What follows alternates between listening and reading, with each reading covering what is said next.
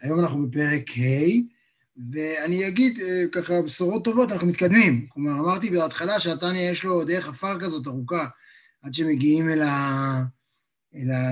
אל ה... עד שהעסק מתחיל להידלק, אז אנחנו מתקדמים לא רע בכלל. כבר בפרק הקודם היה כבר כמה תובנות אה, בעיניי דרמטיות, והצטרפתי לכמה אנשים שכתבו לי אחרי זה שזה פרק אה, מסעיר מהרבה בחינות. אני גם כן אה, לא זכרתי עד כמה הוא מגניב, ושמחתי אה, לפגוש אותו שוב יחד איתכם.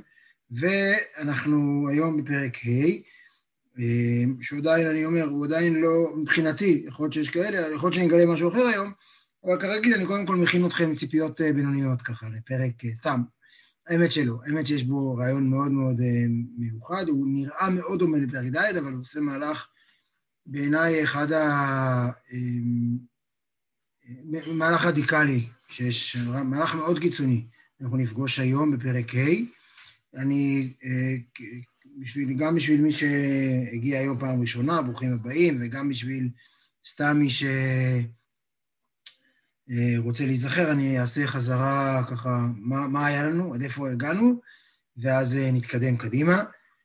באופן כללי, אנחנו, התניא מתחיל בשאלה מה האלוהים רוצה מאיתנו, ומתחיל לפענח את זה שיש, שיש, שלכאורה נראה שיש דרגות שונות. בתפיסה הפשוטה, כאילו, מה שאם קוראים את חז"ל, נראה כאילו אפשר להירשם. אני נרשם למסלול בינוני, אני נרשם למסלול צדיק, אני נרשם למסלול רשע. כל אחד יכול להירשם למסלול שמתאים לו, ואתם יודעים, זה כמו... אתם יודעים, אני 40 מגה, כל אחד במהירות אינטרנט, זה נושא שמדברים עליה הרבה בזמן האחרון, אני 100 מגה, כל אחד מה שהוא יכול, מה שמתאים לו, ואתה נהיה כמובן... אז איזו תפיסה שאתה נהיה שואל, תגיד, מה, מה אתה רוצה מאיתנו? עזוב שנייה, מה אנחנו? וזה ככה הוא פותח בעצם, שזו שאלה מבחינתי, פרק א', אני נורא אוהב אותו, כי הוא שואל שאלה מאוד פשוטה, שאנחנו אה, לא... שכל אחד מאיתנו יש לו איזו הנחה, כל אחד שיבדוק עם עצמו, יש לו איזו הנחה מה אלוהים רוצה ממנו. והוא בעצם שם את זה על השולחן, מה אתה רוצה? ואז הוא מגלה, הוא מנסה, ככה הוא שם בוודאי את הסיפור של הבינוני על השולחן, מה זה? לא, המילה בינוני לא הוזכרה. מאז פרק א', אנחנו נפגוש את הפעם הבאה, כבר אני אומר לכם, פרק י"ב. אה, עד פרק י"ב אנחנו, משבוע הבא אנחנו מתחילים להיכנס עם מיון של דרגות, שזה ממש נחמד. זה הקטע, אה, ככה שאנחנו מתחילים לעשות סיווג, אם אני זוכר נכון, עם שבוע הבא, עוד שבועיים מקסימום. אה, אבל בעצם, ואז הוא מתחיל לאט לאט, הוא אומר בואו נתחיל מההתחלה, וההתחלה שלו זה שלאדם יש שתי נפשות, יש נפש אלוהית ונפש בהמית. הנפש הבהמית היא בעצם כל מה שקשור לרובד הפנימי של תפעול החיים הפיזי, אה, למשיכות, לדחפים, לפחדים, לכל מה שאנחנו לכבוד, כל הדברים שהם לאו דווקא רעים, הם כולם קשורים באיזשהו אופן לחיוניות של חיים, ליצר הישרדות, וזה הנפש הבהמית, שבגלל שהיא, יש בה איזו נאמנות לדחפים שלה, יש, יש הדחפים מקבלים מקום משמעותי וההישרדות, כמובן שהיא גם מפתח להיות רע, כי היא דואגת לעצמה, ונדבר על זה את הרע, שבוע הבא הוא פרק של, ה, של הרע. שבוע הבא נגדיר מהו רע בעולם. אה, אבל אה, זה הנפש בהמית. ואז הוא מתחיל לדבר על נפש אלוקית. והנפש אלוקית, קודם כל, הוא מדבר עליה כחלק אלוה ממעל ממש, והוא יוצר ממש מטאפורה ביולוגית. כמו שאדם הוא חלק מהוריו, ה-DNA שלהם נמצא בו, כך אה, האדם, האדם או היהודי, הוא אומר את זה מפורשות, לא, לא הצלחנו להימלט מזה, אה, היהודי הוא בעצם, אה, יש בו דנ"א של אלוהים, יש בתוכו חלק אלוהי. ומשם אנחנו כבר, אה, זה היה הפרק השלישי שבו אנחנו עוסקים בלהגדיר את הנפש האלוהית ולהבין את הפוטנציאל שלה. ושוב, הדבר המשמעותי הוא להבין שאנחנו מבינים בעצם הנפש האלוהית של האדם היהודי בעיני התניא, זה בעצם הדרך, הצינור היחיד של אלוהים אל העולם. אין צינור אחר. אין שום דרך אחרת, העולם כולו אטום, השמיים סגורים, וה, והנפש אה, אלוהית של האדם היהודי זה הדרך היחידה שבה אלוהים יכול לשרות בעולם, ולכן גם הקריטיות שבה אלוהים מתייחס אלינו, כי אנחנו היחידים שיכולים בעצם אה, אה, אה, להוריד אותו ולקיים אותו בעולם. כלומר, זה, הנפש האלוהית זה כאילו, זה, זה, זה החרך היחיד שדרכו הוא חודר אל העולם, וזה גם מראה את הפוטנציאל של הנפש האלוהית, זה מה שהוא מראה בפרקים, בפרקים האלה. המאפיין הראשון של הנפש האלוהית, זה קשור לעשרת הספירות שדיברנו עליהן, שנפש האלוהית מורכבת משכל ומידות, יש לה מהלך שבו קודם כל האדם משכיל, האדם אה, חווה איזושהי אה, הבנה בתהליך של שכל, תהליך שכלי, שיוצר התרגשות והפעלה, והפעלה של רגשות מאוד חזקים. בעוצמתם דווקא בגלל שיש כאן תהליך רגשי שמתחיל מהחוכמה, בינה ודעת. ומפעיל את, את האהבה ואת היראה וכולי. החלק, ה... זה היה פרק ג'. הפרק, אה, הפרק הקודם דיבר כבר על הלבושים של הנפש האלוהית, והוא דיבר על זה שבעצם הנפש האלוהית, איך היא מופיעה בעולם? היא מופיעה בעולם באמצעות זה שהיא מקיימת אה, מצוות ולומדת תורה. ואז, כלומר, וזה הדרך שבה הנפש האלוהית מופיעה במרחבים שהנפש האלוהית יכולה להתבטא, שזה מחשבה, דיבור ומעשה. וכאן השוס הגדול של הפרק הקודם, שזה ממש מילים, אה, אני אקרא את זה רגע, כי זה ממש משפט מאוד מאוד חשוב, שהוא אומר, אה, אה, והנה שלושה לבושים אלו, אף שנקראים לבושים לנפש, עם כל זה גבעה וגדלה מעלתם לאין קץ וסוף על מעלת נפש עצמה. כלומר, כאשר אדם מקיים מצווה, הוא מצליח, האלוהות מצליחה לעבור דרכו בצורה הרבה יותר משמעותית כאשר הנפש נמצאת לבדה, כאשר הנפש אלוהית נמצאת לבדה. כלומר, כאשר אנחנו מקיימים מצוות, אנחנו מדיום למשהו שגדול מאיתנו בהרבה. וזה הדבר המרכזי שדיברנו פעם קודמת. שעל משהו הרבה יותר גדול מאיתנו, עובר דרכנו, כאשר אנחנו מקיימים מצוות ולומדים תורה. ואז, הוא אמר בפרק קודם, ועכשיו אנחנו בזה נעסוק עוד יותר, זה הרגע שבו אדם מסוגל לתפוס את אלוהים, שבו אדם מסוגל לפגוש את אלוהים, שבו פתאום, אמרתי לך, תמיד אמרו לנו, אי אפשר להבין את אלוהים, אלוהים נסתר, פתאום אלוהים איננו נסתר. הוא אומר, נכון, ובזה המשל שהוא מסיים את הפרק הקודם, הוא אומר, וזה כמשל אה, אה, שמחבק את המלך. לא משנה לך אם אתה מחבק את המלך, בכמה שכבות אתה מחבק אותו. אתה מחבק אותו, אתה נוגע בו, אתה פוגש אותו. וזה מה שקורה לנו כאשר אנחנו מקיימים מצוות. לא משנה שהמצווה הזאת בסוף באה לידי ביטוי בדברים מאוד מאוד גשמיים, עדיין זו מצווה, אה, זו הופעה מלאה שלנו במפגש עם האלוהים, והופעה מלאה של אלוהים בעולם. ואנחנו נהיים סוג של מדיום, שדרכו המצווה פועלת בעולם. אני, החזרה הזאת, אני תוהה אם אני עושה, אם היא מועילה, השאלה היא מועילה למי שהקשיב או מועילה למי שלא הקשיב, אני לא יודע. מישהו מעניין, אז אני כבר רגוע, יופי. תודה. חזרה טובה, חזרה טובה. אחלה, אז אני אמשיך, אני, אני, זה הצורך שלי גם, סך הכל, אני עובד אצלי, בסוף אני לומד עוד פעם. אבל מה שלא יהיה, בעצם אנחנו היינו בלבושים של הנפש. ועכשיו הוא רוצה להתעכב עוד קצת. והוא שוב מדבר, אנחנו עדיין מדברים מה הפוטנציאל של הנפש האלוהית, מה, הנפ... מה המסוגלות שלה, למה היא מסוגלת להגיע, ומה היא מסוגלת לכונן בעולם גם. ומה, בעצם אנחנו גם רואים דבר שהוא בעיניי נוגע ללב, כמה הנפש האלוהית חשובה לי הקדוש ברוך הוא בעצמו. כלומר, כמה הוא צריך אותה, אותה ואת ה, אה, את ההופעה שלה. מישהו רוצה לשאול משהו על משהו עד כאן, או שנתחיל, נצלול לפרק ה'. תשובה נכונה. יאללה, פרק ה'. סתם, מישהו רוצה? בשמחה. טוב, ולתוספת ביאור, אה, זה דבר שקורה הרבה אגב במאמרי חסידות, שיש מאמר חסידות ואז יש תוספת ביאור, ולפעמים, ואני חושב שזה מה שקורה כאן, אה, הוא לוקח את זה שמונה רמות.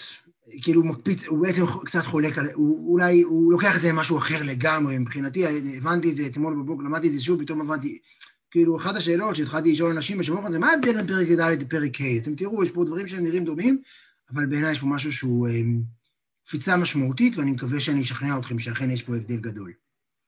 ולתוספת ביאור באר היטב, לשון תפיסה. הוא מתמקד עכשיו, הוא, זה פשוט, הוא מתמקד במילה שהכי, ש... תראו, זה אמר אליהו, לית מחשב התפיסה בך וכולי. הרי אנחנו, יש פתח אליהו, שזה טקסט מאוד קדום, פתיחת אליהו, אה, שדיברנו עליה קצת, יש הרבה גם, שדיברנו על תיקוני הנפש, גם העשר הספירות נמצאות שם באיזשהו אופן, ובפתח אליהו יש את המשפט המפורסם, לית מחשבה תפיסה בך כלל. אתה העליון על כל העליונים, יש שם כל מיני דברים כאלה, אני לא זוכר בדיוק את הלשון בארמית, ולית מחשבה תפיסה בך כלל. כלומר, אף מחשבה לא יכולה לתפוס אותך. עכשיו, אה, המילה לתפוס היא מילה שאנחנו כבר משתמשים, אנחנו רגילים להשתמש בה באיזה כפל, שגם לתפוס במובן הפיזי, אני תופס כאן את הבקבוק, אבל גם אנחנו כמובן מדברים על תפיסה שכלית. אבל התפיסה השכלית הזאת, כשאנחנו מדברים על תפיסה שכלית, אנחנו, כאילו, זה לא רק להבין, תפסתי זה יותר מאשר להבין, זה כאילו משהו הרבה יותר אה, חזק. אנחנו, עכשיו, אה, באופן כללי, הנטייה הפשוטה היא שאפשר אה, לגעת, אפשר להשיק, אבל את אלוהים באמת אי אפשר לתפוס. עכשיו, כבר בפרק הקודם, מי שזוכר, הוא כבר אמר, לית מחשב התפיסה בכלל, אלא באמצעות התורה ומצוות. כלומר, הוא כבר אמר, ואז הוא אמר, כל אחד, זה היה פשוט אה, אה, משפט, אה, אני אחפש אותו רגע, כדי שכל הנשמה תוכל להשיגן בדעתם ולקיימה. כלומר, לא רק שאפשר לתפוס את אלוהים, כל אחד יכול לתפוס את אלוהים ברגע שיש תורה ומצוות. כלומר, אלוה, נכון שאי אפשר לתפוס את אלוהים, אלא אם כן אלוהים מחליט לבוא אליך הביתה. איך הוא בא אליך הביתה? כלומר, זה מה שבעצם, אה, מה יכול לגשר בין האינסופי לסופי. האינסופי יכול להחליט להגיע גם לסופי, כלומר האינסופי יש לו איזה, הוא מפתח, והוא בחר לתת לנו תורה ומצוות בקוד מסוים, זה בעצם ההתייחסות, אגב זה מכניס לנו בפרק קודם התייחסות מאוד מאוד אה, אה, דקדקנית למצוות, באופן כללי הקבלה המכילה היא התייחסות מאוד דקדקנית למצוות, דווקא מהסיבה הזאת, כי אם זה קוד, סוג של קוד כזה, של 60 ספרות שאלוהים נתן לנו, אתם יודעים, זה כמו, אנחנו היום בזום, אם מישהו פה, נגיד, לשים, מה אכפת לך שאני שאני שומר המצוות קצת פחות, זה כמו לשים ספרה אחרת בקישור בזום. מה אכפת לך? תגיע לזום אחר, תגיע לאספת הורים של תיכון בחדרה, מה אכפת לך? כאילו, אז ככה הקבלה מתייחסת למצוות, כלומר, יש משהו, בגלל, בגלל שזה קוד שאלוהים נתן, אז הוא נתן אותו בצורה מדויקת, והוא החליט שהקוד הזה כולל אה, בדיוק כך וכך טילים בציצית, וכזה בדיוק לולב, ועוד אה, כל מיני דברים מהסוג הזה. אז בכל אופן, זה כבר משפט שהיינו. אבל הוא אמר תוספת ביאור היטב לשון תפיסה. כלומר, הוא עכשיו תוקף את המילה הזאת של תפיסה. עכשיו, תראו, הוא הולך לעשות במהלך די... אמ, אמ, כי הוא הולך להסביר איך תפיסה, כלומר, איך כן תפיסה. למרות שהוא מביא את המילה תפיסה במשפט של עת מחשב התפיסה. אבל עת מחשב התפיסה בא, אלא אם כן אתה רוצה. כלומר, אה, הוא, כל המשפט הזה הפך את עצמו ממשפט, של, ממשפט של שלילה ושל ריחוק למשפט של קרבה מאוד גדולה. כלומר, זה פשוט משהו שהוא עושה, בלי, זה, יש איזה כמה, אני יכול לתת לזה עוד כמה דוגמאות באופן כללי בחסידות, שלוקחים משפט ופשוט הופכים אותו על הראש, בלי, בלי להתבלבל. אה, אה, וזה כאן דוגמה מאוד פשוטה לכך שהוא ממש עושה את זה. הנה, טוב, אז עד כאן, הנה. עכשיו, תחזיקו חזק, זה נשמע כמו שר השר השיר שמח בפסוקים הבאים, במשפט, עד סוף הדף הזה, אבל תחזיקו חזק, זה די פשוט, בסדר? הנה כל שכל, כשמשכיל ומשיג, כשמשכיל ומשיג, רגע, אני מקליט? תגידו, אתם חושבים שאני מקליט? אני אמור להקליט. אני מקליט, אוקיי. כן, כן, זה מוקלט, כן, אתה מקליט. הנה כל שכל כשמשכיל ומשיג בשכלו איזה מושכל. אני, אתם יודעים מה, אני אקרא את זה מהר רק בשביל, ה, בשביל ה, שתרגישו את השער השר השיר שמח הזה. הנה כל שכל כשמשכיל ומשיג בשכלו איזה מושכל, הרי עשה תופס את המושכל מוקיפה בשכלו, והמושכל נתפס ומוקם ממש לתוך השכל. שהשיגו ולבישו, גם השכל ממש מושכל בשעה שבשגו ותופס בשכלו. אוקיי? עד כאן, רק בשביל להבהיל אותנו. באמת, משפט כזה, אולי זה שיר, אני לא יודע. זה פשוט, אה, אה, אה, אני לא יודע, זה נורא נחמד, אבל אפשר להבין את זה, זה לא, לא קשה. הנה, כלומר, זה צריך רגע להתרכז, אבל זה מובן. הנה כל שכל, כשמשכיל ומשיג בשכלו איזה מושכל. כאשר אדם, בואו נתחיל ממחשבה פשוטה, אני חושב על, על העיפרון הזה. הבאתי עיפרון, כי עיפרון זה דוגמה טובה. אני חושב על העיפרון הזה, עיפרון כחול. הנה כל שכל, כשמשכיל ומשיג בשכלו איזה מושכל. כל אחד עכשיו אה, יכול אה, לחשוב על עיפרון, על העיפרון הזה, על כל עיפרון אחר, הרי השכל תופס את המושכל ומקיפו בשכלו.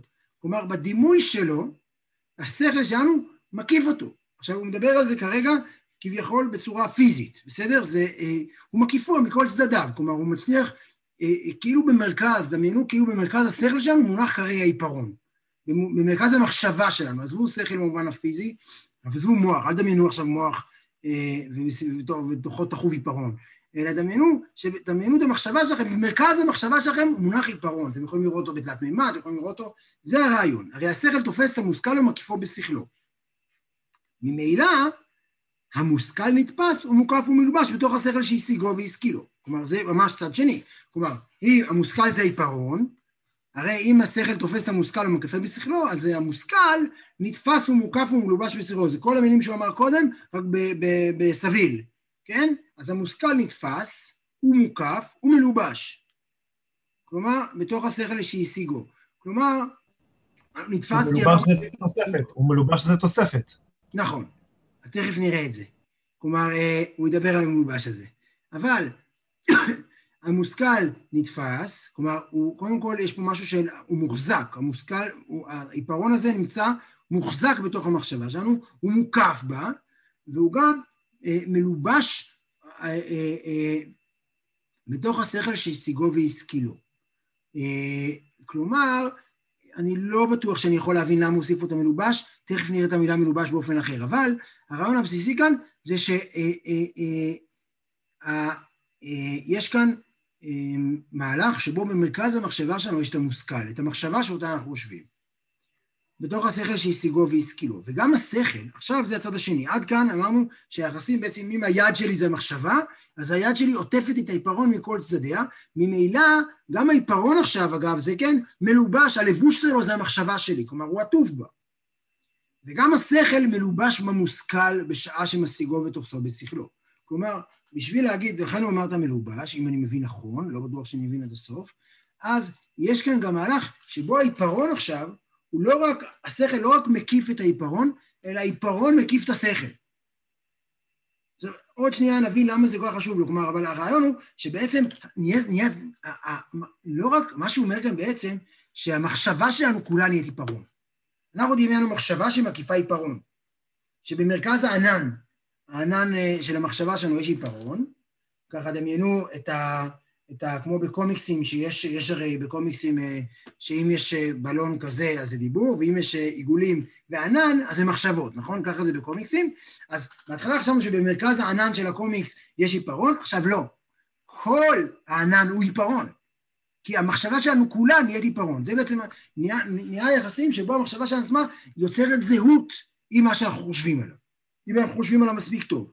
כלומר, כשאנחנו חושבים, באופן כללי, הוא מדבר כאן על מחשבה שהיא אה, עמוקה, אבל אפילו, שוב, אני חושב שהדימוי, אני אמרתי פעם קודמת, אני, אה, או לפני פעמיים כבר, אה, יש דברים מסוימים, כל אחד כאלה יש דברים שכשהוא חושב עליהם, הוא לגמרי חושב עליהם באופן טוטאלי. אין מחשבות זרות פתאום, הכל בסדר. כאשר אני, דיברנו על דימוי של גלידה, דיברנו על דימוי של סטייק, דיברנו על כל מיני דימויים כאלה, קצת יותר משכנעים מעיפרון, שבהם המחשבה שלי נהיית סטייק. כלומר, כל המחשבה, הענן שלי נהיה, נהיה גלידה, זה כבר לא... זה, היחסים בעצם נהיה זהות בין המחשבה לבין הדבר שאותו אני חושב. עד כאן הוא דיבר על, הוא עוד לא דיבר שום מילה על אלוהים. או שום מילה על שום דבר, עד כאן הוא רק דיבר על היחס בין מה שאדם חושב לבין הדבר שאותו הוא חושב, לבין הדבר שעליו הוא חושב. דרך משל, כשאדם מבין ומשיג איזו הלכה במשנה או בגמרא, לאשורה על בוריה, כלומר, כאשר אדם עכשיו מביא משל סתם, במקרה עלה לו הלכה מהמשנה ובגמרא, אה, אה, אה, איזו הלכה במשנה או בגמרא, כאשר, לא יודע מה, בן אדם חושב על ממתי, ממתי קוראים שמע בערבית, שהכוהנים אוכלים בתרומתם, כאשר הוא מבין את זה כמו שצריך, על בוריה, כלומר שהוא לגמרי מצוי בתוך המהלך של המשנה, הרי שכלו תופס ומקיף אותה. קודם כל, הוא מקיף את המשנה. וגם שכלו מלובש בה באותה שעה. שוב, המחשבה שלה כולה נצבעת בצבע של אותה משנה. עד כאן, זה מהלך שהוא אומר, אם, זה המהלך כמו שהוא כרגע, הוא העתיק את המהלך על העיפרון למהלך על משנה. זה, זה המשל. והנה, הלכה זו היא חוכמתו ורצונו של הקדוש ברוך הוא. ההלכה הזאתי שקוראים קריאת שמע של ערבית, רק כשהכוהנים אוכלים וחולים מטומטם, שקוראים, שקוראים פעמיים ביום קריאת שמע, בסדר? בואו נגיד את זה משהו יותר, אה, אה, מאוד בפשטות. כלומר, שוב אני אחזור, והנה ההלכה זו היא חוכמתו ורצונו של הקדוש ברוך הוא, שעלה ברצונו, שכשיטעון ראובן כך וכך דרך משל, ושמעון כך וכך, יהיה הפסק ביניהם כך וכך. כלומר, אם עכשיו, בואו ניקח את... אה, שאם אה, שניים אוחזין בטלית, זה אומר כולה שלי, זה אומר כולה שלי, זה יישבע וזה יישבע ויחלוקו. זה הפסק. אז ככה אלוהים רצה. ככה זה הרצון, עלה ברצונו, שכשייטון ראובון כך וכך דרך משל, ושמעון כך וכך יהיה הפסק, כאשר אנחנו לומדים את המהלך הזה, כך יהיה, וכך, הוא, טוען כך וכך, יהיה הפסק ביניהם כך וכך. זה מה שהקדוש ברוך הוא רוצה. כלומר, הרעיון הזה, כאשר אני חושב את המחשבה הזאת, אני חושב את החוכמה ואת הרצון של הקדוש ברוך הוא. ואף אם לא היה ולא יהיה הדבר הזה לעולם, לבוא למשפט על טענות ותביעות אלו, כלומר, יש גם, אנחנו מכירים מקרים בגמרא של כל מיני דברים, לא יודע מה, במסכת שבת, יש משהו שם בתחילת הדף, יש שם באמת סוגיה יוצאת מהכלל, על זה שכל ה... ש... יציאות שבת, שתיים, שם, ארבע, שזה בגמד שעומד בבור. כל מיני דברים כאלה, באמת מפותלי מפותלים כאלה, העמדות של הגמרא. נגיד שזה, אדם, גם הדבר הזה לא היה ולא יהיה הדבר הזה לעולם למשפט על טענות ותביעות האלה. לעולם זה לא יהיה מקרה קונקרטי. מכל מקום, מאחר שכך עלה ברצונו וחוכמתו של הקדוש ברוך הוא, שאם עיתון זה כך וכך, וזה, שזה כך וזה כך, יהיה הפסק כך, יהיה הפסק כך. כלומר, הוא אומר, גם מקרה, הוא לוקח בכוונה, הוא לוקח אותנו לדיני נזיקין. הוא לא לוקח אותנו כרגע ללולב, הוא לא לוקח אותנו כרגע לשבת, הוא לוקח אותנו כרגע לדיני נזיקים שהם נראים מאוד מאוד אנושיים. בכל אדם, יכול להיות שגם חלק מהמאזינים כאן כרגע אומרים, מה הקשר לאלוהים? אבל אנחנו, בוודאי בעל התניא, מתייחס לכל התורה כולה כרצונו של אלוהים. לחלוטין, רצונו וחוכמתו, הוא חוזר כל הזמן צמד המילים הללו. אז בן אדם, כאשר אדם לומד ומבין שככה הקדוש ברוך הוא רוצה, שיחלוקו את הטלית ששניהם מצאו אותה. הרי כשאדם יודע ומשיג בשכלו פסק זה, כי ההלכה ערוכה במשנה או גמרא או פוסקים, כן, בעיניו אגב, כולם דברי אלוהים חיים. הרי זה, כאשר אתה יודע את הפסק הזה, הרי זה משיג ותופס ומקיף בשכלו רצונו וחוכמתו של הקדוש ברוך הוא, דלית מחשבה תפיסה בי. ולא ברצונו וחוכמתו. כלומר, מחשבה לא תופסת בו, אבל, ו, ולא תופסת ברצונו וחוכמתו, אלא כי אם בהתלבשותם בהלכות הארוחות לפנינו. כלומר, הוא משיג ותופס, הוא מקיף בשכלו, רצונו וחוכמתו של הקדוש ברוך הוא. תראו, זה פשוט סותר, זה פשוט לא יאמן שהוא עושה את הסתירה הזאת פה, אבל הוא מחזיק אותה.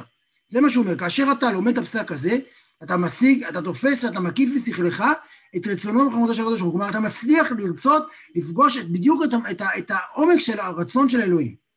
שאגב, רצונו, זה ספירת הכתר, למי שמתעניין בדרגות, זה ממש ממש ממש גבוה. דלית מחשבה תפיסה בי ולא ברצונו וחוכמתו. אי אפשר, אף, אף מחשבה לא יכולה להשיג אותו, אותו ברצונו וחוכמתו, אלא באמצעות התלבשותם בהלכות הארוחות לפנינו. וגם שכלו מלובש בהם, כלומר, גם הצד השני. כלומר, לא רק שאתה מקיף את, את הרצון של אלוהים, שכרגע הוא ה... משמש לנו העיפרון, גם שכלו מלובש בהם, כלומר, השכל שלו הופך להיות מזוהה וצבוע כולו ברצונו וחוכמתו של אלוהים.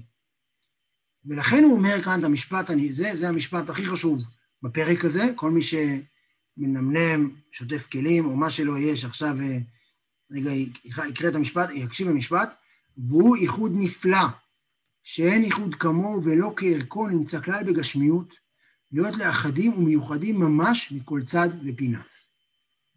כלומר, נהיה כאן זהות מוחלטת. נהיה כאן זהות מוחלטת שלא נמצאת, אנחנו לא יכולים לדמיין בגשמיות שני דברים שככה מתאחדים ומיוחדים. ואני רוצה רגע מכל צד ופינה, ואני אגיד שנייה את המשמעות של זה. וכאן מגיע ההבדל הגדול בין פרק ד' לפרק ה'. וזה מה שהבנתי אתמול, אני חושב, וזה, וזה נכון, כלומר, לפחות הרב שטיינזלץ ככה גם מזדהה את זה. בפרק הקודם הוא אמר, תשמע, אתה מסוגל לתפוס את אלוהים, אתה מסוגל לפגוש אותו. המפגש הזה הוא מפגש מיוחד במינו, אתה מצליח להוריד את אלוהים. אבל עדיין, בפרק הקודם היו שניים. היה אדם והיה אלוהים. בפרק הזה אנחנו מבטלים, החירות מתבטלת. האדם מצליח באמצעות לימוד תורה. גם, בדיוק בגלל המהלך הזה של אתה תופס ונתפס ומלובש ולבוש, כל המהלך הזה שאני שמע לנו קודם סוג של בדיחה, או סוג של הסתבכות לא מובנת, שהמחשבה שלך נהיית, נהיית עיפרון, בדיוק המהלך הזה אומר שבעצם כבר מתבטלת ההבחנה, ההפרדה בין אדם לבין אלוהים. וזה הרעיון המופלא והקיצוני מאוד של הפרק הזה. שכאשר אדם לומד תורה, כאשר אדם פוגש, תופס ומקיף בשכלו את רצונו וחוכמתו של הקדוש ברוך הוא, שוב, אפילו כשהוא לומד את, ה, את, ה, את, ה, את, ה, את השניים אוחזים בטלית, הוא ייחוד נפלא שאין ייחוד כמוהו, ולא כערכו נמצא כלל בגשמיות להיות יחדים ומיוחדים ממש מכל צד ופינה. אני אגיד שנייה, אנחנו רגילים שאנחנו יכולים לפגוש אנשים. אחרי זמן אני חושב שרובנו מגלים שלפגוש אנשים זה לא דבר כל כך קל. אתה יכול לפגוש בן אדם יום-יום בעבודה ולא לפגוש אותו כלל. אתה יכול לפגוש, לחיות עם בן אדם הרבה מאוד שנים ובעצם לגלות שלא פגשת אותו. ואז אנחנו מתחילים להגיד, טוב, בסדר, אבל לפחות יש חברים טובים שאותם פוגשים, יש בני משפחה שאותם פוגשים, בזוגיות אולי אפשר להיפגש. קראנו בפרשה אתמול בראשית, והיו, אה, על כן יעזוב איש את אביו ואת אמו, ודבק ואשתו, והיו לבשר אחד. אז עם כל מה שהוא אומר כאן, הוא אומר, עדיין יש אחרות. זה משהו שבדיוק אה, לא מזמן למדתי את זה, גם אצל, אה, בעיקר אצל לוינס, אבל גם אצל בובר, בדיוק הרעיון הזה, שבובר קצת יותר אופטימי מלוינס, אבל לוינס אומר שיש אחרות מוחלטת, שלעולם לא תוכל לתפוס אדם אחר עד הסוף. וזה דבר נכון, אני לעולם לא אצליח להיות, אפילו באנשים הכי קרובים אליי, לא יודע מה, אני הרבה מאוד פעמים, אה, כאילו גם באשתי או בילדיי, אנשים מאוד מאוד קרובים שאני רואה אותם יום-יום, אני לעולם לא אצליח להיות במוח שלהם. אין, אין יכולת להפוך להיות, אז הדבר הזה זה סוג של, אה, הרבה פעמים, יש כל מיני אנשים שמתחשק לי רגע להיות ככה, ב, להיות מושתל במוח שלהם לכמה שעות. סתם, זה נראה לי חוויה יוצאת מדהימה. אז עם אלוהים זה אפשרי. כלומר, מסתבר שהאלוהים הזה, שהוא רחוק מעל כל רחוק, שהוא אינסופי, דווקא בגלל זה אפשר אליו להגיע לקרבה הכי גדולה. הוא אפשר להגיע לקרבה הכי גדולה, ואיתו להיות בתוך המוח שלו. להיות, לראות את העולם דרך המשקפיים שלו. וזה מה שהתורה מאפשרת לנו. זה מה שהוא אומר כאן בפרק הזה. כלומר, בפרק הקודם נשארה החירות. בפרק הזה הוא אומר, בואו נבהר עוד קצת, הוא אומר לכם, סליחה, אפשר להגיע למצב שבו אין החירות, שעם בני אדם אמיתיים אין אפשרות כזאת.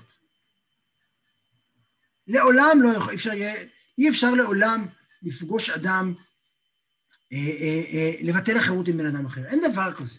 אתה תמיד תישאר זר, תמיד תישאר זה, זה משהו שלא תבין עדיין. לעולם לא תוכל להיות מנקודת מבטו. ועם אלוהים זה אפשרי. כלומר, יש פה משהו שהוא יוצר מהלך, ואנחנו, זו נקודה מאוד מאוד עקרונית, בכלל בחסידות, אבל בתניא בפרט, והוא יעשה ממנה עוד עניין, שלמרות שהוא הדבר הכי רחוק בעולם, הוא יכול להיות הכי קרוב בעולם. אתה יכול להיות מחובר אליו יותר מאשר כל, דבר אחר בעולם. וזה באמצעות התורה. וזה בדיוק מה שהוא יגיד עכשיו. Uh, מי שעכשיו עייף, זה זמן סבבה, אפשר מכאן, טוב, האמת שיש דברים מגניבים מכאן, אל תלכו. וזאת מעלה, אבל זה היה הליבה של הפרק, אמרתי קודם. וזאת מעלה יתרה, גדולה ונפלאה לאין קץ. אני מת על זה שלפעמים הוא מתלהב, הוא מתחיל לשים, זה ניכר שהוא שם מילים, רואים את ההתרגשות שלו. וזאת מעלה יתרה, גדולה ונפלאה לאין קץ, אשר במצוות ידיעת התורה והשגתה, על כל המצוות מעשיות. כלומר, מצוות לימוד תורה, שאנחנו, כתוב עליה תלמוד תורה כנגד כולם בכל מיני מקומות, וזה משהו שאנחנו יודעים להגיד אותו, אבל זה בדיוק התלמוד תורה כנגד כולם. התלמוד תורה היא מצווה מיוחדת, יותר מכל המצוות מעשיות, כי בה נוצרת ההזדהות, כי בה החירות הזאת מתבטלת. וזה מעלה אפילו על מצוות התלויות בדיבור. כלומר, גם מצוות תפילה. ואפילו על מצוות תלמוד תורה שבדיבור. כי דיבור זה דיבור, דיבור זה מעשה. אנחנו מדברים, כי אנחנו מדברים כרגע על מצווה שהיא במחשבה, אנחנו מדברים כרגע, אם אני מדבר על לבושי הנפש, הלבוש נפש שעכשיו אנחנו עוסקים זה לא מעשה ולא דיבור, אלא לבוש המחשבה. כי בה יכול לקרות ההתאחדות המוחלטת הזאת. כי על ידי כל המצוות שבדיבור ומעשה, הקדוש ברוך הוא מלביש את הנפש ומקיפה אור השם מראשה ועד רגלה. כלומר, במצווה, אה, אה, כאשר אני עושה מצווה במעשה, כאשר אני נותן צדקה, היד שלי מוקפת מאור השם. היד שלי, כמו שאמרנו בפרק קודם, הופכת להיות ידו, יד ימינו של אלוהים. כאשר אני מוציא מפי אה, תורה כרגע, אז הפה שלי, הפה שלי כרגע הופך להיות אה, אה, אה, מוקף באור השם, הוא הופך, הוא, נצבע, כלומר, לא יודע, דמיין כזה כמו איזה, אה, אה, אם יסתכלו על זה באיזה משקפת מיוחדת, אז יראו שזה אור השם. ובידיעת התורה, מלבד שהשכל מלובש בחוכמת השם, כן, כמו כל מצווה, כן, כל מצווה, השכל, אור השם מקיף אותו. הנה גם חוכמת השם בקרבו. כלומר, יש פה גם מסביב, שגם זה מקיף את ה... שוב, את העיפרון מבחוץ, אבל זה גם, המחשבה כולה הופכת להיות עיפרון. כמו ש... סליחה על הדימוי הלא מוצלח כל כך, אבל זה עוזר לי. הנה גם חוכמת השם בקרבו, מה שהשכל משיג ותופס ומקיף בשכלו. יש פה את המילה משיג, מלובש, תופס, מקיף, הוא משתמש בו הרבה מאוד מילים שכולן מדברות על, על, על, על אחיזה מאוד מאוד איתנה. מה שאפשר לו לתפוס ולהשיג מידיעת התורה. וזה משפט נהדר, איש כפי שכלו וכוח ידיעתו והשגתו בפשט רמז דרש ויסוד. כלומר, זה לא איזה תורה שהיא ברמה נורא גבוהה, לא הרמב"ם ולא יודע מי, ורק, והרבי מלובביץ' מסוגים ללמוד את התורה הזאת שפוגשים בה את דבר השם, אלא כל אחד, איש כפי שכלו וכוח ידיעתו. כי זה לא משנה, אם אתה מסוגל, אם אתה יהודי שמסוגל לקרוא חומש, בסדר גמור. אם אתה יהודי שמסוגל לקרוא רק משניות ואתה מבין חצי, סבבה. אם אתה אדם שמסוגל ללמוד זוהר, גם בסדר, לא משנה. פשט, רמז, דרש, סוד, זה לא, זה לא איש כפי שכלו וכוח ידיעתו. כלומר, ידיעת התורה, יש פה מהלך שלא רק שהמצווה מקיפה מבחוץ, יש פה איזה דימוי פיזי, אבל צריך, זה, צריך, אני כמובן לא מדבר על משהו פיזי, אלא היא גם חודרת פנימה, היא הופכת, נוצרת זהות בינה אה, לבין המחשבה שהיא חושבת עליו. ולכן נוצרת כאן אה, אה, איחוד נפלא שאין כמותו. מה זה, מה זה בדיוק ידיעת התורה? כי אתה אמרת לפני רגע שמישהו מדבר בתורה, בתלמוד תורה, זה עדיין לא... זה אמנם באותו רגע שהוא לומד, אז הפה שלו מאיר באור השם, אבל זה לא, זה לא פנימי יותר. מה זה אומר ידיעת התורה? לזכור את התורה?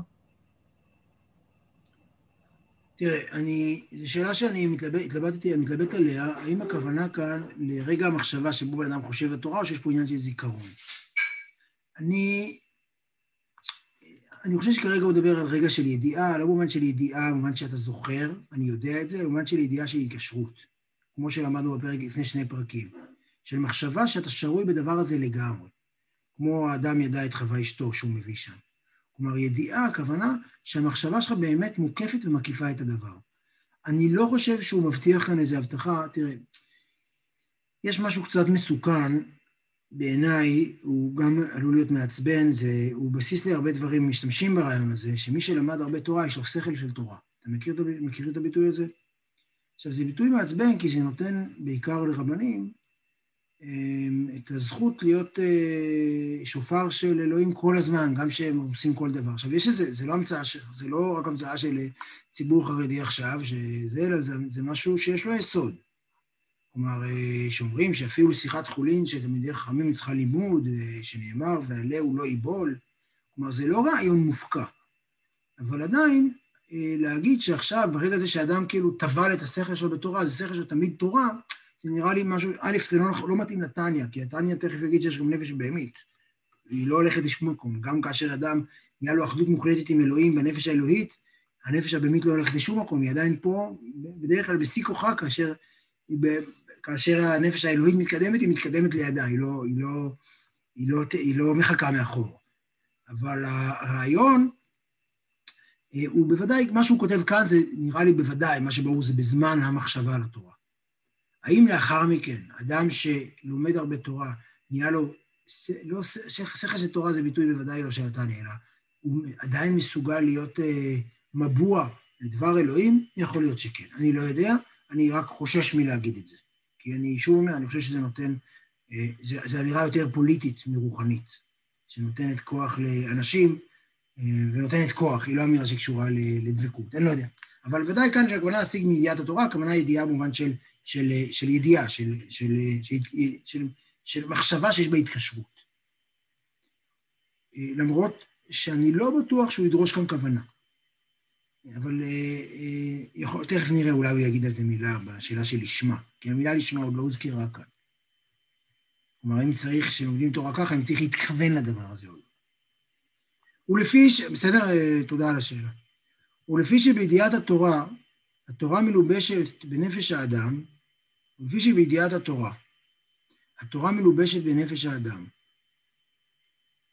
ושכלו, ומוקפת בתוכם, כלומר, שוב, היא גם מבחוץ, אבל היא גם מבפנים, שזה החידוש של התורה, שזו מצווה שאנחנו, שהיא היחידה שחודרת פנימה, היא לא רק מבחוץ, היא לא, המצוות תפילין, מצוות תפילין דוגמה טובה, כי היא באמת נכרכת עלינו מבחוץ, אבל כל המצוות הן מבחוץ לנו, הן נשארות מבחוץ לנו, לכן נקראת, נקראת בשם לחם. אה, זה ההי פה שבורה, אבל זה לחם, אני רק אוודא את זה בטניה שלידי, כן. אה, לא הצלחתי... לחם הוא מזון, לחם הוא מזון. כן, חיפשתי, לא, אני יודע, זה ברור בהקשר, אבל חשבתי שרציתי לוודא. חיפשתי טניה יותר, מהדורה יותר יפה, אבל לא מצאתי באינטרנט. זאת המהדורה הכי יפה לדעתי. כן, אני יודע, לכן אה, אנחנו איתה. ולפי שבידיעת התורה, התורה מלובשת בנפש האדם ושכלו מוקפת בתוכם. כלומר, שוב, זה שני דברים. היא גם, לא לחזור על זה שוב. לכן נקראת בשם לחם ומזון הנפש. כלומר, התורה, בשונה מכל המצוות שעוד רגע נראה. וזה דימוי נורא נורא חשוב, שעוד שנייה נסביר למה הוא כזה חשוב, של התורה כלחם ומזון הנפש. היא כמו שהלחם הגשמי זן את הגוף כשמכניסו בתוכו וקרבו ממש. ונהפך שם, ונהפך שם להיות דם ובשר כבשרו. ואז יהיה ויתקיים, כלומר, כאשר האוכל מתאחד איתנו. המים כרגע שאני שותה, מתאחדים ונהיים חלק ממני. יכול להיות שעוד עשר דקות, המים שאני שותה הם יהיו באיזשהו אופן חלק מהיד שלי, או חלק מהמחשבה שלי אפילו. כך בידיעת התורה, והשגתה בנפש האדם, שלומדה היטב בעיון שכלו. עד שנתפסת בשכלו ומתאחדת עמו והיו לאחדים, נעשה מזון לנפש וחיים בקרבה, מחיי החיים אינסוף ברוך הוא, המלובש בחוכמתו ותורתו שבקרבה. כלומר, גם התורה הזאת היא מחיה את הנפש. כלומר, בשונה, אגב, ממצוות, מצוות, הוא יגיד, הן לאו דווקא מחיות את הנפש, כמובן יכולות לחיות את הנפש. המצווה בהגדרתה, היא, היא, התורה בהגדרתה, סליחה, היא משהו שמחיה את הנפש האלוהית באופן הרבה יותר ישיר, ונותן לה חיים, ממש כמו, היא נותנת, היא נותנת לו תזונה.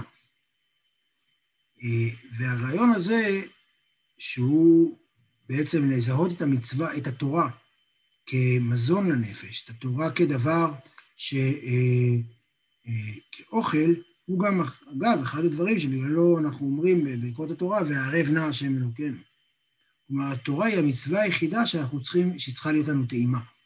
זה מופיע גם שאדם צריך ללמוד תורה איפה שהוא חפץ, וזו נקודה מאוד מאוד עקרונית. בשונה משאר המצוות, בשאר המצוות אין דבר כזה, אין שיח כזה בכלל. אנחנו לא אומרים תערב אלינו את המצוות, אומרים קדשנו מצוותיך. אבל מצוות יותר חלקנו בתורתך, כלומר החלק שלנו, זה נותן, ובהקשר הזה התורה היא הרבה הרבה יותר, היא, היא, היא הרבה יותר אנחנו לא מחויבים, אלא אנחנו מוצאים, יכולים למצוא את הצד שאנחנו נהנים ממנו. זה, זה כמו מזון. אה, זה לא, אפשר לקחת אה, סתם כדורים, לא יודע מה, כל מיני אוכל שהוא חסר טעם, אבל תורה צריכה להיות ערבה עלינו. אנחנו צריכים להתחבר אליה, נכנסת אלינו. וזה דימוי מאוד מאוד משמעותי. וזה שכתוב, ותורתך בתוך מאי. זה בדיוק הרעיון הזה. שהיחס לתורה הוא יחס של, של מזון. כמו שכתוב בעץ חיים של הארי, שער מ"ד פרק ג', שלבושי הנשמות בגן עדן. גן עדן, באופן כללי, בתניא, גן עדן זה לא איזה משהו, זה לא... ברוב הספרים לדעתי, אין הכוונה למשהו כרונולוגי עתידי, אלא הכוונה למרחב שבו האמת מתגלה, למרחב שבו העולם נחשף. זה המרחב החשוף, כלומר, אם העולם לא היה אטום, ככה זה היה נראה. שלבושי הנשמות בגן עדן הם המצוות. כלומר, אם היינו עכשיו, היינו עושים, אה, יכולים להסתכל, לראות רק נשמות, כמו שיש, אה, לא יודע מה, רנטגן שרואים עצמות, אז אנחנו היו רואים רק אלוהות. זה אמצעי ראיית לילה כזה. אז היו רואים שלבושי הנשמות הן המצוות, כלומר המצוות הן מלבישות את הנשמות. אגב, זה כנראה כן מתחבר למה שקודם אה, שאלת, אה, על זה שזה לא רק בזמן הזה עצמו, אלא זה, כלומר, זה לא רק בזמן הקיום מצווה, אלא הלבושי נשמות זה משהו שנשאר באופן עמוק, כלומר, היד שלך אה, הופכת להיות יד, ש... כלומר, אפשר לזהות יד שקיימה מצוות צדקה ויד שלא קיימה מצוות צדקה, גם אחרי קיום המצווה, נשאר עליה, זה יופיע בהמשך, המילה רשימו, נשאר עליה איזה, איזה, איזה, איזה השפעה על היד. כמו שגם אומרים, שאדם שלא הניח תפילין הוא קרקפתא, זה לא מנח תפילין, כלומר, יש גולגול, רואים איך נראית גולגולת שלא היה תפילין מעולם. והתורה היא המזון לשמות. שעסקו בעולם הזה, בעולם הגלוי, כן, לא, שוב, אני לא חושב שזה כרונולוגי, בתורה לשמה. הנה הלשמה. ש... אה, והוא הסביר, אז כנראה התשובה היא שצריך פה את, ה, את הכוונה. כמו שכתוב בזוהר ויקל דף אה, רי"י, ולשמה, מה הכוונה לשמה? היינו כדי לקשר נפשו לשם על ידי השגת התורה איש כפי שכלו, כמו שכתוב בפרי עץ חיים. כלומר, כן צריך את הכוונה הזאת של לימוד תורה. שהכוונה של לימוד תורה, שבמצוות, שבלימוד תורה אנחנו מצליחים לקשר נפשו לשם. לקשר זה כבר מילה עדינה, כן? כבר פה כבר, אה, הוא לא רוצה עוד פעם להזכיר לנו שאין הכוונה לקשר, אלא ייחוד נפלא ועצום שאין כמותו, טה-טה-טה-טם, כן? זה הכוונה. סוגריים, סוגריים נחמדים, אז אפשר לקרוא אותם, ואז נסיים את הפרק. אה, והמזון הוא מבחינת אור פנימי, והלבושים מבחינת מקיפים. כלומר, המזון, המזון נכנס פנימה, ולכן אגב התורה צריכה להיות מובנת לנו. אדם יכול להניח תפילין משום הבנה. זה, זה נהדר וזה מוחלט. לעומת זאת, הלבושים הם מקיפים, הם, לא, הם לא נתפסים בהגדרתם, אבל כל מה שאמרנו קודם על התורה זה בזמן שהיא נתפסת. ולכן אמרו רז"ל, אותנו זיכרונו לברכה, שתלמוד תורה שקול כנגד, כנגד כל המצוות. לפי שהמצוות הן לבושים לבד, והתורה היא מזון וגם לבוש הנפש. התורה, למה היא שקולה כנגד זאת? כי היא עושה את שניהם. התורה היא גם, אה, היא לא רק מזון, כי היא לא נכנסת לנו. למה? וגם לבוש הנפש המשכלת. אה, קודם כל היא מזון, שמתלבש בה ביהודה ולימודה. כלומר, התורה היא גם מתלבש בה ביהודה ולימודה, שזה האזור שבה היא, כמו שאמרנו קודם, היא מזון, היא חודרת פנימה, היא נהיה, נהיה שם ייחוד נפלא ועצום. וכל שכן, כשמוצאים בפיו ודיבור, שהבל הדיבור נעשה מבחינת אור מקיף. כלומר, במצוות תורה הוא ידבר הרבה בפרק, אה, עוד הרבה זמן, עוד איזה 30 פרקים, הוא ידבר על זה שעקימת שפתיו, זה שאדם מניע את שפתיו, אב ומעשה, שזה המעשה של מצוות לימוד תורה. שבעצם בתלמוד תורה יש גם את ההיבטים המעשיים, לא רק היבטים, שלא רק, כשאנחנו לומדים תורה, כמעט תמיד, אנחנו תמיד יש בזה איזה מרכיב פיזי, אנחנו לא רק לומדים, אנחנו כותבים, אנחנו קוראים, אנחנו עושים כל מיני דברים, אנחנו מדברים, אנחנו עושים הרבה מאוד דברים שיש בהם רכיבים פיזיים. והרכיבים הפיזיים הללו, הם נשארים גם כן מקפת. ולכן התורה, היא, היא, היא עושה את שניהם, היא גם לבוש, אבל היא גם מזון, וזו הייחודיות הגדולה שלה, וזה המרח... בעצם הרגע שבו אה, התורה מסוגלת להיות גם וגם, כמו שכתוב בפרץ חיים, אני אעשה, סיימנו את הפרק, אני יכול סוף סוף אה, לצאת מהמסך הזה, וזה בדיוק הרעיון של הפרק. הרעיון של הפרק זה שוב, הוא חושף את הפוטנציאל של הנפש האלוקית, ותראו, הנפש האלוקית, אמרנו שהיא נפש אלוקית, היא חלק אלוה ממעל ממש, לכאורה כבר אמרנו קודם שהחירות בינינו לבין אלוהים בוטלה, ברגע שאמרנו שיש נפש אלוהית. אבל ממש אומר בפרק קודם שהנפש האלוהית שלנו היא קודם כל מגיעה אלינו מתוך צמצום מאוד גדול. ובמצוות ובתורה אין צמצום, זה פשוט, זה לא צמצום, זה פשוט התלבשות, זה משהו אחר לגמרי. זה מעטפת, אבל זה הדבר הזה בעצמו. אה, ולכן למרות שיש לנו נפש אלוקית, היא מוגבלת. היא מוגבלת, עכשיו היא מוגבלת גם כי היא בעצמה לא נחשפת, גם כשיש לנו נפש אלוקית, אחד הדברים הכי בסיסיים זה שאנחנו לא, זה אחד הדברים הכי, אם יש לנו נפש אלוקית, שאנחנו, כמו שאנחנו לא מסוגלים להבין את אלוהים עד הסוף, אנחנו גם לא מסוגלים להבין את עצמנו עד הסוף. אגב, מעניין, אולי אפשר להגיד שברגע שאנחנו לומדים תורה, אנחנו מסוגלים גם להבין את עצמנו עד הסוף, את הנפש האלוקית שלנו עד הסוף, זה הרגע שבו היא מתגלה. מה שלא יהיה, הפרק הזה, המהלך בעיניי הנפלא שלו, שהוא מתחיל בה להגיד, לבאר את, המילה לתוספת ביאור בהר היטב ושעון תפיסה, ומה שהוא אומר, אומר, התפיסה שלו זה בדיוק, התפיסה זה מהפסוק, זה מהמשפט לית מחשבה תפיסה בכלל, אבל הוא אומר, הוא מראה כל הפרק הזה איך המחשבה לא רק תפיסה, אלא נהיית ממש מאוחדת לחלוטין, זה הרעיון אה, של הפרק, אני מקווה שהבנתם את, ה, את, ה, את, הנעוז, את התעוזה, את הרעיון הנועז שיש בפרק הזה ביחס ליחס בין האדם ואלוהים, לבין הרגע שבו אתה מסוגל לחלוטין להיות בתוך אה, מוח של אדם אחר, שזה באמת אה, אה, קורה לנו כאן. היה לי, זהו, אז סיימנו את הפרק. ש... הגעתי למסקנה שאנחנו שומעים במסגרת של פרק בשיעור בינתיים, למרות שידעתי שהפרק הזה יהיה קצת יותר קצר, אבל אז יש לנו, אם מישהו רוצה להגיד משהו, או... זה הזמן, ואם לא אפשר להיפרד מוקדם, לכבוד ראש חודש, יש מחר תפילה ארוכה בכמה דקות. אני, אני פשוט תוהה, אם, אם, קודם כל, למה לא מרגישים את כל הדברים הגבוהים והגדולים והמרגשים שבעל התניא מדבר עליהם, אבל... ואם לקחת את זה יותר רחוק, זה נעשה, אז אם הוא זכה, נעשית לו סם חיים, זכ, לא זכה, נעשית לו סם המוות, איך, איך בכלל זה יכול להיות? אם הוא מקושר ומדובק בשכלו ומוקף ונמצא בתוך ההוויה האלוקית ופוגש את אלוקים ממש.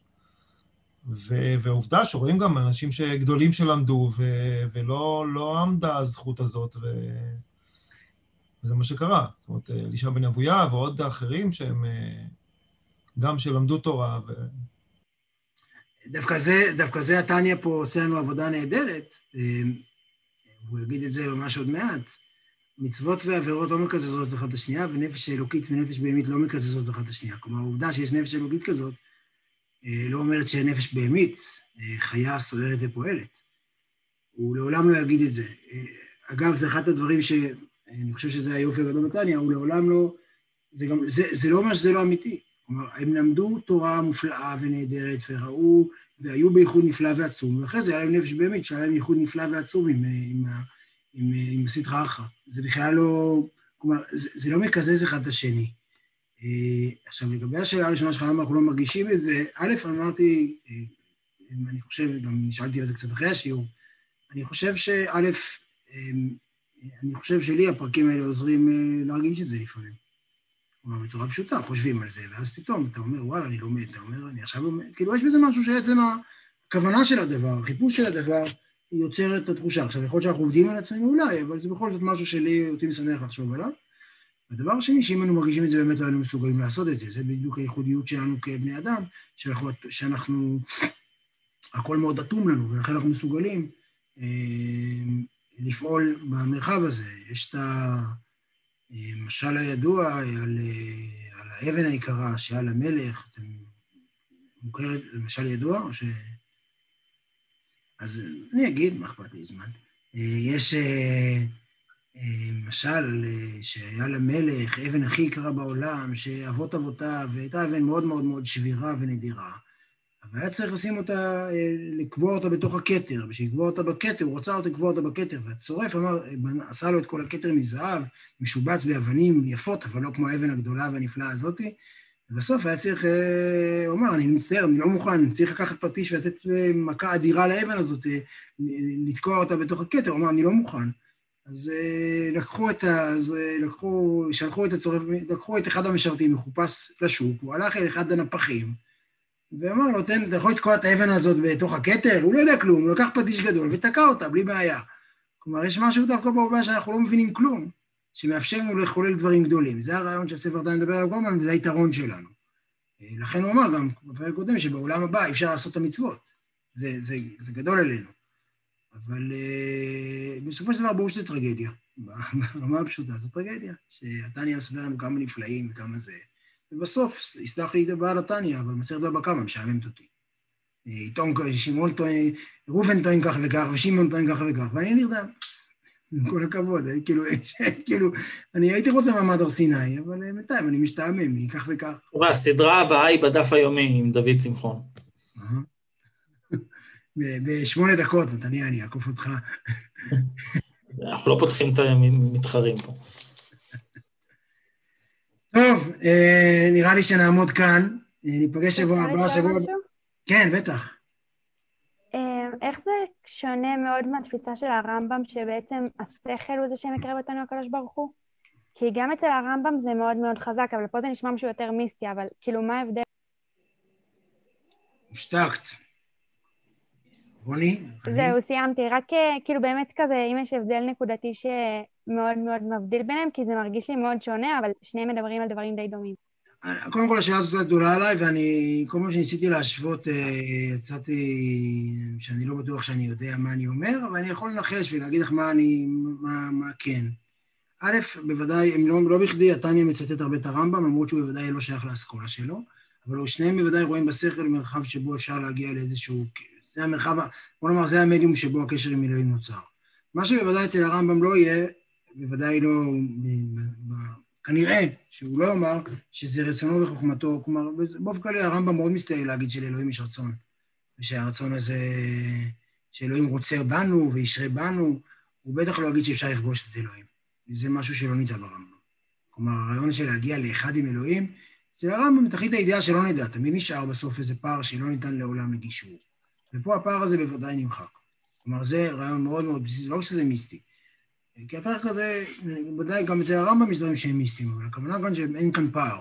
וגם הרמב"ם לא בקלות יגיד שיש לאלוהים רצון ושאלוהים רצה כך וכך. הרמב"ם מאוד, במורה נבוכים שקצת, כן, קראתי בזמן האחרון, כן ניכר שהרמב"ם מסתייג מצורת הלשון הזאת, אבל אני לא מתחייב לתשובה הזאת, בסדר? אבל אני כן אגיד שאצל הרמב"ם האחרות לעולם נשארת, וזה ממש ברור. ופה האחרות, יש פה רגע של ביטול, שכמה, שאפשר להגיע לקרבה שאין כמותה, כלומר לאחדות. בסדר, עניתי לך? יופי. נהדר. עוד משהו מישהו? יופי, נראה לי שזה אפשר לחשוב על הפרק הזה שבוע. ניפגש עוד שבוע, שבוע הבא, כמו שאמרתי, הוא מתחיל בהנה זה לעומת זה עשה אלוהים, ונתחיל לדבר על הנפש הבהמית. באמת, נדבר על הרעים. נדבר על הרעים. לא, זה פרק, אני, זה פרק קשוח. טוב. תודה. תודה רבה לכולם. תודה. תודה רבה, לילה טוב. ביי. תודה רבה, חודש